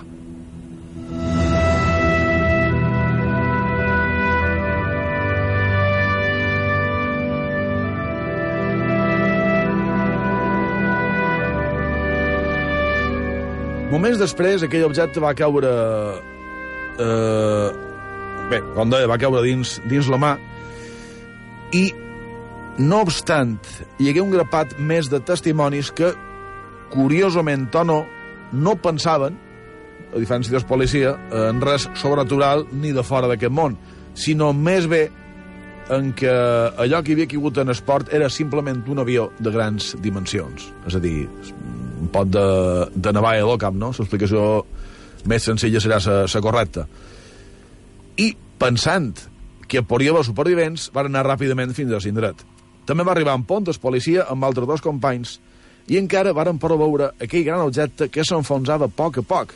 Estava a uns 700 metres de la vorera, emetia una llum de color groc pàl·lid i també mollava una espècie d'espuma groguenca amb un fort olor a sofre, que a poc a poc s'anava acostant cap a la platja d'esport. Segons publicava premsa de, de l'època, aquest primer intent d'investigació va durar fins les 3 de la matinada i en sortir el sol el convenciment general d'aquell petit poble de pescadors fou que el que havia caigut a la seva mà era un objecte gran, físic, real, però ni d'en fora identificable segons els patrons convencionals.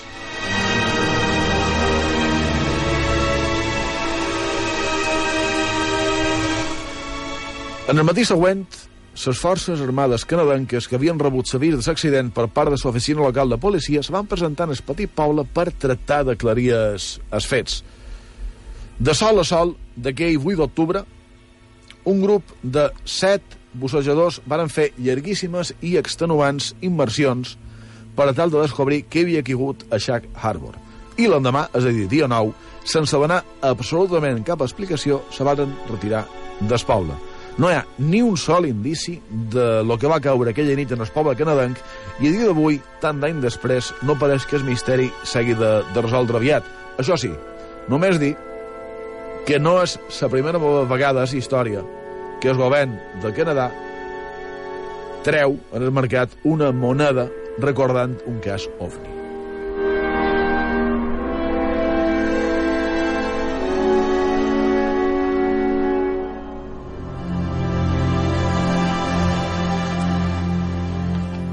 La veritat és que m'ha semblat molt interessant i també per això de la caiguda a la mà d'un estrany objecte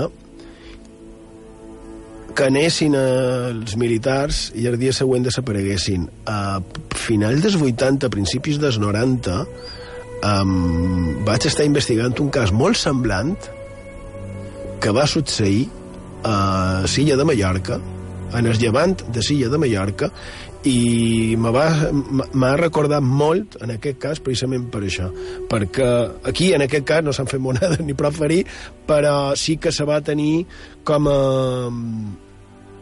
com una cosa bastant, entre cometes, amagada, no? No se va, no se va treure a, a la llum. Qualque dia es per contaró. I per il·lustrar tot aquest tema de d'OVNI i albiraments i tot això, en Xisco García Antolí, el nostre amic i col·laborador, ens ha enviat la seva crítica en el seu peculiar estil damunt d'aquest tema. Diuen els sociòlegs que el 75% d'una conversa és superflua i innecessària. Si això és així, imagineu com ha de ser en contacte amb una civilització extraterrestre que té un sistema de comunicació i de llengua totalment diferent al nostre i que, a més a més, no regeix per una continuïtat a l'espai-temps. Bon vespre, Xema i companyia. Aquesta és la premissa principal de l'arribada – dirigida per Denis Villeneuve i estrenada el 2016. Amy Adams interpreta a una lingüista experta en nombrosos idiomes i sistemes de comunicació que d'un dia per un altre haurà de deixar la seva feina a la universitat per treballar per a l'exèrcit, ja que li encomanen la tasca d'establir contacte amb una de les 12 naus extraterrestres que s'han posicionat al voltant del globus. I és que els éssers que es troben dins de les naus tenen una forma cefalòpeda aïllats dins un microhàbitat amb una atmosfera adequada a la seva naturalesa. A poc a poc aniran interactuant amb la protagonista mitjançant una comunicació racional i voluntària, el que equival a una quinta fase del virament ovni segons el professor Stephen M. Creer, i a mesura que es va ampliant el coneixement sobre la llengua extraterrestre, la lingüista arribarà a un nou nivell de comunicació, en el que la continuïtat de la quarta dimensió, que és el temps, quedarà difusa i canviarà constantment amb els fets futurs que li apareixeran com a records. És una història molt difícil de comentar sense arribar a fer spoilers de la trama i d'alguna sorpresa narrativa que va fer que alguns espectadors la considerassin un film amb un guió trampós, cosa de la que no estic gens d'acord, ja que si no es conta la pel·lícula de la manera en què es fa, l'espectador seria incapaç d'entendre per allò que la protagonista passarà. O tal vegada ha passat. Bé, ara vaig escriure la crítica de la pel·lícula i vos l'enviaré. O ja ho he fet. Bona nit i salut.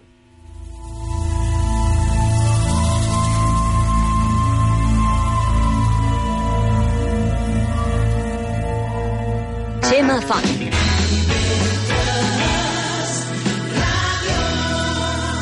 De misteris. Se acerca el final de temporada. Ha llegado el momento de volver a casa. Reserva ya tu billete en ferry con Balearia, en Halcón Viajes y Viajes Ecuador. Además, consigue tu oferta especial. Vuelta a casa con Balearia con los mejores precios. Reserva ya en Halcón Viajes, Viajes Ecuador o en nuestras webs. Hacemos de tu viaje una gran experiencia. Escoltau IB3 Ràdio, la ràdio pública de les Illes Balears. A Mallorca, 106.8.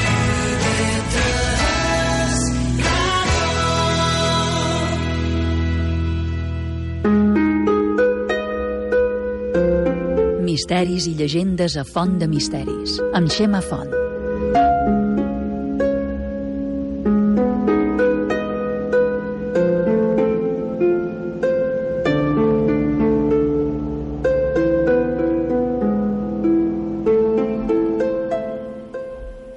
Seguim a Font de Misteris, a la sintonia d'IV3 Ràdio, la ràdio pública de les Illes Balears. I bé, ara continuant, canviam una altra vegada de tema i, i ja ho ha anunciat en Sergio en el sumari i avui també eh, un dels temes que volem tractar és eh, els ocellets. Eh? Ens ha quedat una mica manco de, de mitja hora, però, però qualque cosa direm i, si un cas, ja seguirem altres programes. Volíem parlar només d'un, de les oranelles, eh? perquè és un animal fascinant en tots els sentits. Ple d'enigmes, llegendes, misteris. La setmana passada ja ens varen quedar en el començament de tot el que volíem dir, i és que, clar, començam amb un tema, mos anem desviant amb altre, Borja, i, i passa el que passa. Eh? Després mos queixam. Ara vincular amb el que contaràs tu on soltar i cerdo al principi dels programes. Ara, vera, ara, vera, ja no me'n recordava, clar, ha passat una hora i mitja. Uh, efectivament, les oranelles. Varen contar a l'altre programa que el que es deia damunt d'aquestes aus uh, a les cròniques de les conquestes del rei Jaume I i, i vàrem comentar-ho perquè va ser emprat eh, aquest ocell per dir que el rei era tan bo, tan benèvol, que no va, vol, no va voler molestar eh, a una família eh, d'oronetes que varen fer niu a la seva tenda quan duia a terme la campanya militar de València. Eh? I, I la veritat, a part d'aquest ús propagandístic que podia tenir, eh, crec que com a historieta és, és simpàtica, a part de que, de que, clar, que això també el que dèiem, això podria contribuir a que es prenguessin més seriosament els acords en els que arribava el rei amb els que eren sotmesos. Eh? Sense anar més lluny, tenim el cas, per exemple, de Menorca, on la història ens diu que va respectar en els serraïns i el va deixar viure tranquils, eh? malgrat estar sota el seu, el seu poder. Clar, si ell va respectar una oronella, que no faria en les vides humanes, no?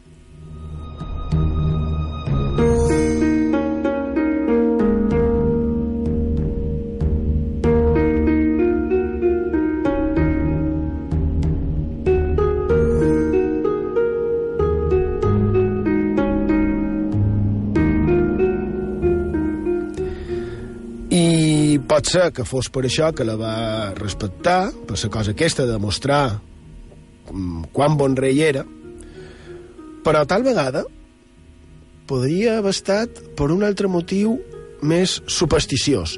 I és que, segons es deia, això, per exemple, eh, molt posterior, evidentment, ho va dir Sarchiduc en el seu Di Balearen. Deia Sarchiduc, la destrucción de un nido de golondrina en el tejado de una casa determina la muerte de un miembro de la familia que la habita. Així, clar, si el rei hagués manat destruir o no hagués defensat aquest niu d'oronetes en, el que en aquell moment era casa seva, la seva tenda, a la campanya militar, clar, igual pensava que qualque membre de la seva família podria morir.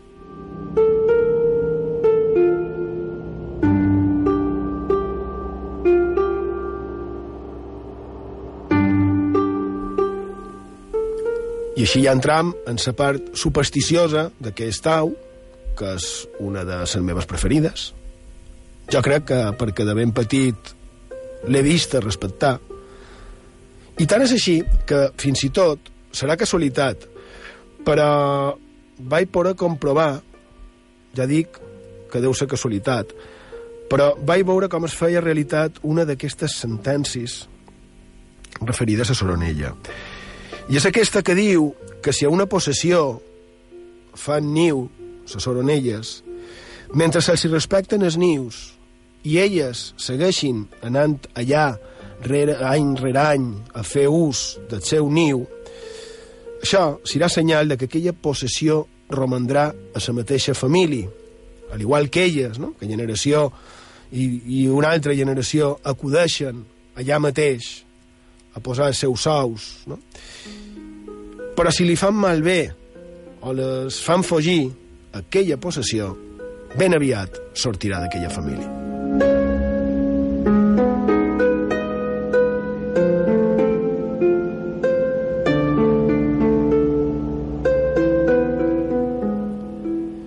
Evidentment, no, això no deuen ser, no haurien, millor dit, que ser més que rondalletes, creences supersticioses, clar. Però que sovint podien marcar els quefers de les persones, també des d'una manera molt, molt trivial, eh? res transcendent. Com, per exemple, el moment de sa, de la seva arribada. Això podria marcar els quefers diaris de la gent. Que, per cert, el moment de la seva arribada, evidentment, també té la seva part llegendària.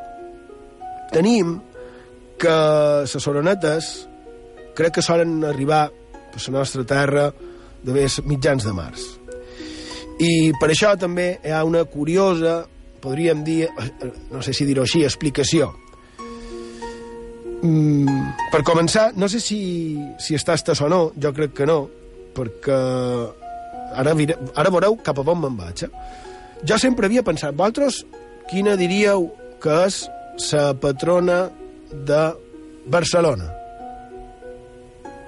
Si penseu... La Mare de Déu de Montserrat? No, en absolut. No. Uh, o Sant Eulari o la Mercè.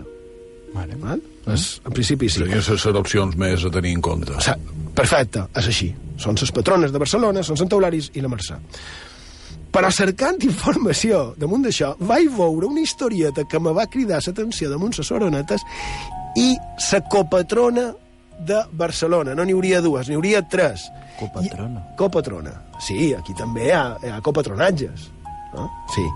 Um, a les nostres illes, a, a molt d'indrets de les nostres illes també. I en aquest cas de Barcelona seria Santa Madrona.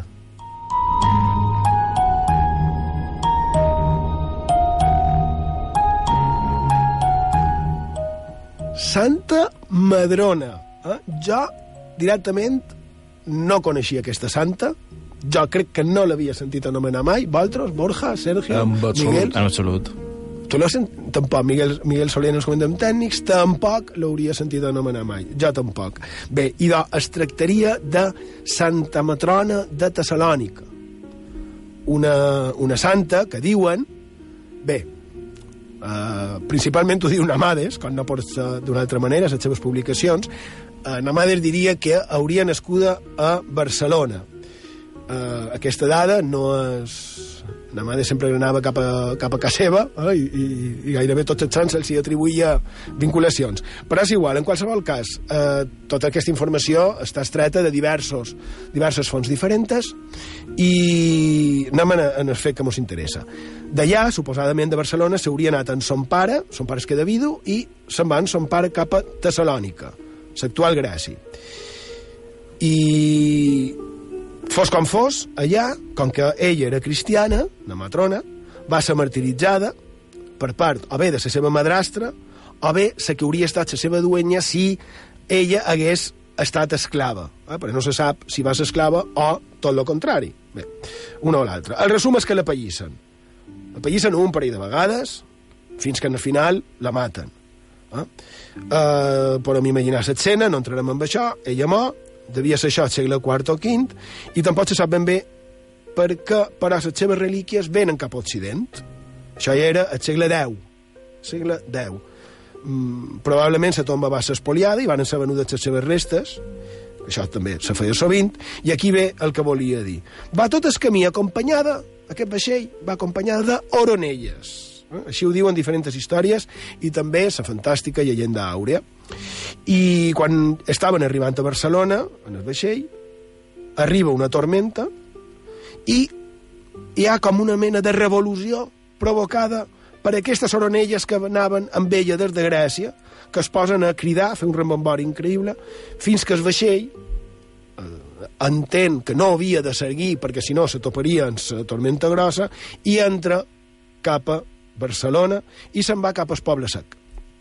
Allà eh, el vaixell espera que acabés la tempesta i un pic acabada traten de sortir però els hi ve una altra tormenta i més el darull d'Oronelles així que, al, en el final, decideixen que les relíquies d'aquesta santa, santa matrona, es quedessin a Barcelona i acabaria sent anomenada copatrona. Eh? Jo crec que és molt curiosa aquesta història amb Boronelles com a protagonistes directes no? d'aquest fet.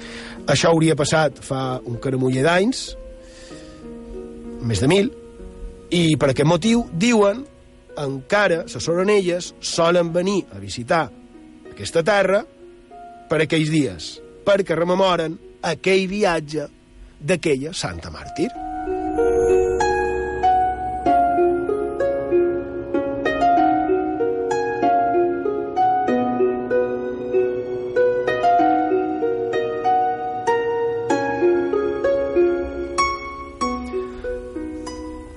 En aquest cas també quantes coincidències amb altres històries semblants, no?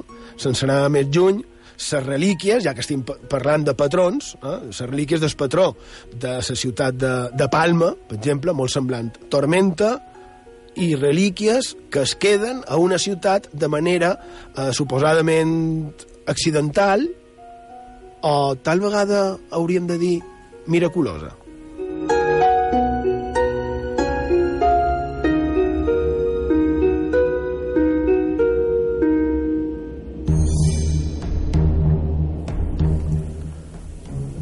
Efectivament és francament curiós la gran similitud, això de que el vaixell no pugui sortir de port o no pugui entrar en port per, per molt d'unes tempestes, però no recordar que aquest cas concret del qual parlaves, amb animalets voladors incluïts, és de cinc segles abans que la història del patró de Palma. És, és que... dir, és molt anterior. Bé, eh, aquesta universalitat de, de la llegenda estan fascinant. És, és, és curiós perquè el personatge del qual parlaves tu és posterior a el nostre Sant Sebastià, però la seva llegenda és anterior. No deixa de ser simpàtic, també. Però bé, així, així queda. Millor, perquè estem en les oronetes, eh? que més tenen molt més al darrere, Sí, de què te'n rius, tu? De nosaltres, crec. Però sí, sí, bé. Uh, clar, és que mos feim senyals i coses. Uh, bé, que, a més, simbolitzen una mica l'arribada de la primavera. I no només això. Uh, el que, pel que m'ha semblat trobar, resultaria que eren emprades ni més ni manco, quines coses més estranyes troba un en els llibres vells. Resultaria que eren emprades per determinar quan havia de ser el moment de l'any, no des dia, sinó de l'any, de poder tornar a berenar.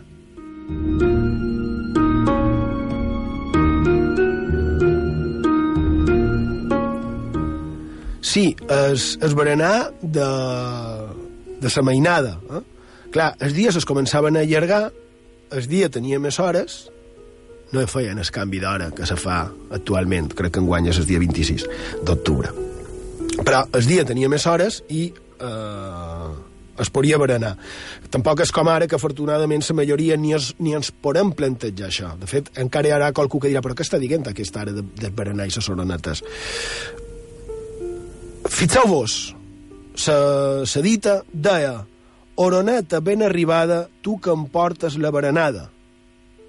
És a dir, quan el dia s'allargava i ho demostrava l'arribada de les oronetes, com se sopava una miqueta més tard, els infants podien berenar.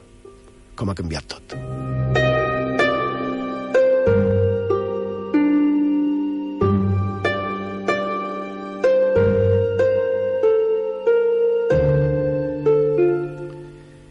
I és que l'arribada, aquesta que estic dient de les oronetes, ja sigui per causes considerades miraculoses, eh, màgiques, o simplement per la causa lògica, i és que la naturalesa és així, l'arribada de les oronetes tenia un gran component entre màgic i, i podríem dir que folclòric. Per exemple, diu era costum general, en veure la primera oroneta, de posar-se una moneda a la mà i tancar-la tan fort com es pogués.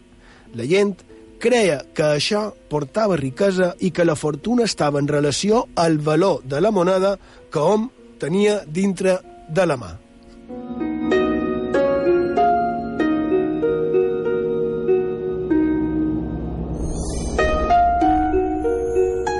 No, no, no, en sèrio. Ara en Borja acaba d'agafar de, bé, una bosseta que tenim unes monedes per la màquina de cafè, acaba d'agafar unes monedes i està pitjant. Quan venguin les soronetes, Borja Rigo, oi, no. Um, però ja ho sabem. Quan arribin les soronetes, Borja Rigo, uh, moneda a sa mà i ja veurem si tenim aquesta sort. N'hi ha, ha d'altres, de, de semblants. Per exemple, uh, referent a l'arribada de les soronetes. Les fadrines caçadores creien que el seu futur espòs tindria les característiques del primer home que trobaven o veien després de la primera oroneta. Les oronetes són missatgeres d'amor i portadores.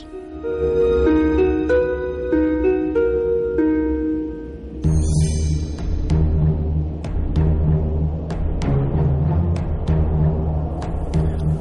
aquest tipus de creences de el primer que passi després de significarà que eh, eh, es repetia molt antigament, hi ha coses molt curioses, n'hi ha divertides, n'hi ha que no tant, mm, crec que a dia d'avui ja pens que es deuen fer coses semblants d'aquest tipus, no? Més en privat, evidentment, seria un altre debat això de les supersticions i les creences actuals, no? Això seria un altre debat. Seguim. Uh, N'hi ha d'altres referides també a l'arribada d'aquests útils, eh? aquests útils ausellats. Mm, aquesta diu és molt possible que la celebració de la vista de la primera oroneta, que entén dels nostres avis només era cosa de mainada, en altres èpoques, és curiós això, l'haguessin festivada els grans, com fins ara s'ha fet en diversos països. A muntanya hi ha qui encara, en tal avinentesa, s'ha pres a comptar diners. Cregu que, com més se'n pugui comptar mentre es veu s'enxiclar la primera oroneta, més pròsper i venturós li serà aquell any.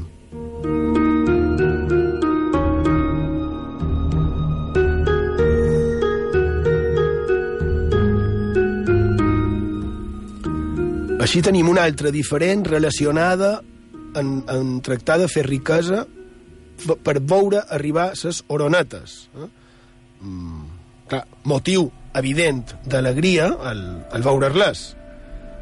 Aquí també tindríem una altra, una altra frase eh, que diu, que deia, l'amo de la casa on hi havia oronetes, quan se n'adonava per primera vegada, ho feia saber als veïns més immediats i els convidava a pa i beure per celebrar-ho.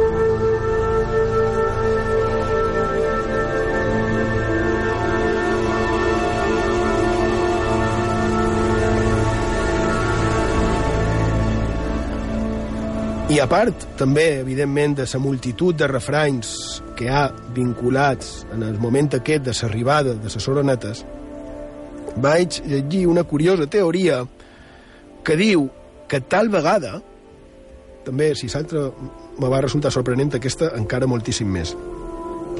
Tal vegada, les festes variables que tenim en el nostre calendari, estic parlant de les actuals del que ha quedat de les antigues festes cristianes però que actualment encara tenim mm, també fins i tot eh, les carnestoltes no?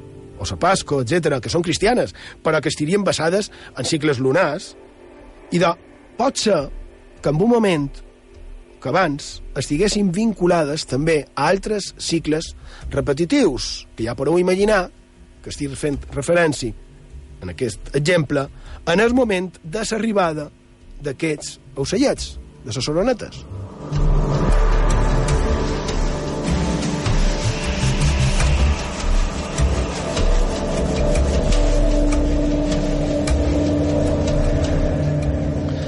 Que hi ha aquesta possibilitat de que es pogués marcar eh, quin dia havia de ser eh, carnestoltes, pasco, etc. pel moment de l'arribada o de la fuita de les oronetes, ja, la veritat és que me, sembla fascinant. I ja que dic això de Pasco, segons la tradició, abans les oronetes eren blanques com un glob de llet. I llavors de la crucifixió es van posar d'ol i es cobriren amb un mantell negre que no han abandonat mai més. El mantell, el mantell nou les cobrí del tot i per sota conserven encara la blancor d'abans, que hom reconeix per les plomes del ventre. Les oronetes, en néixer, tenen un plomissol blanc i encara avui el muden en dijous per les plomes negres quines coses, eh? En record que fou precisament el dia de la setmana en què morí Jesús.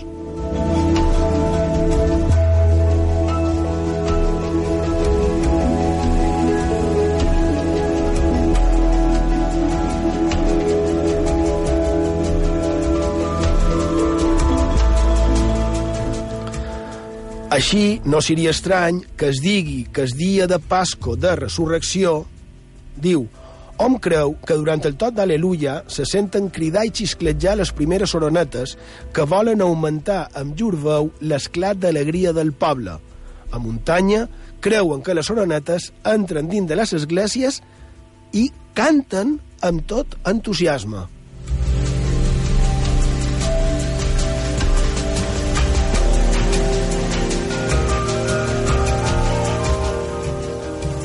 Però quan fa referència que canten amb tot l'entusiasme, la gràcia d'això no és que només entrin a l'església i es posin a, a cridar com amb el vaixell de, de Santa Matrona o que es posin a fer renou o a piular. És que hi havia la creença que Soroneta deia coses amb el seu cant. No només Soroneta, n'hi havia d'altres, però li atribuïen missatges en els, en els seus cants. No ho sé, jo crec que és curiós.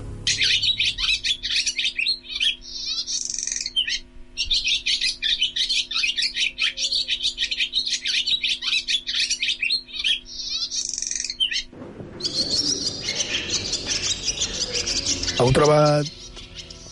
Heu sentit cap missatge eh, en aquest... No. No? Un, un, un missatge que diu que que passi aviat l'hivern sí. i, que, i que tornin a arribar. I de, uh, la veritat és que a les cas de les atribucions humanes uh, a molt d'animals, en aquest cas a les oronetes. La veritat també és que amb imaginació pots tractar de treure missatges, si un vol pot treure paraules, uh, però clar, totes les que he trobades eren eleccionadores, eren eh, de caràcter religiós. No? De fet, hi ha sants en els que se li atribueixen directament aquesta capacitat de poder-se entendre precisament en les oronetes. Seria el cas, per exemple, de, si no m'equivoc, estic parlant una mica de memòria, de Sant Antoni de Pàdua o de Sant Francesc.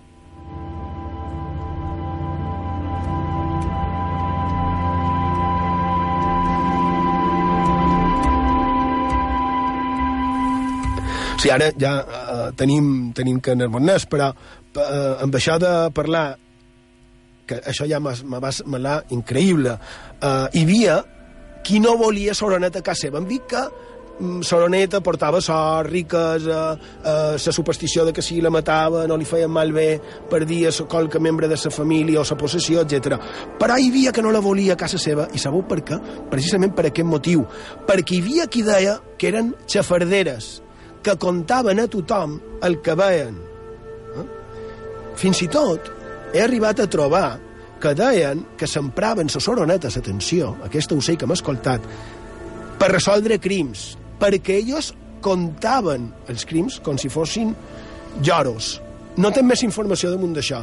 Estiria molt bé, Sergio, dones les formes de contacte, per favor, estiria molt bé que si qualcú té informació damunt d'això, que mos ho digués, menys si veiem una relació directa entre judicis resolts pels que, pel que contaven les soronetes. Ja me sembla fascinant. I de font de misteris arroba ivetresradio.com font de misteris arroba ivetresradio.com el WhatsApp 659 16 69 52 659 16 69 52 I si vos sembla bé, dissabte de 9 d'octubre en principi no hi ha font de misteris, però està previst que tornem dia 26 d'octubre i probablement seguirem dient més cosetes, entre d'altres, d'aquest simpàtic animaló.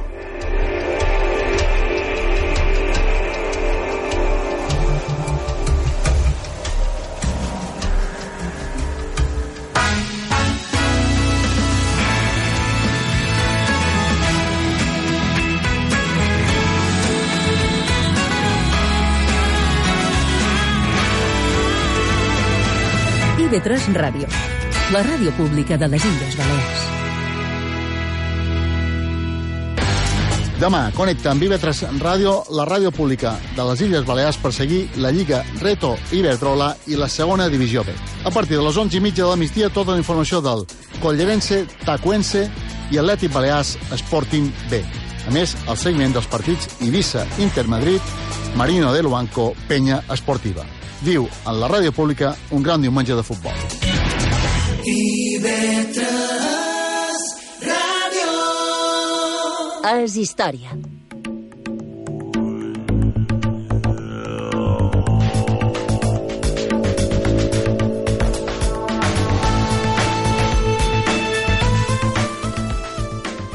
I hem arribat a la fi del programa d'avui. Esperem que hagueu passat una estona agradable i que hagueu pogut treure qualque cosa de profit d'aquesta font de misteris.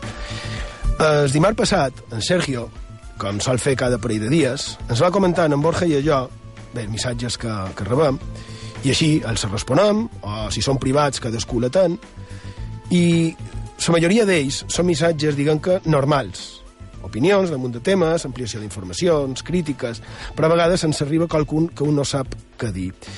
I ho deia per un d'aquests. Resulta que qualcú a la nostra plana o canal, o com se digui d'e-box, on també penjam els programes cada setmana, en el podcast, eh?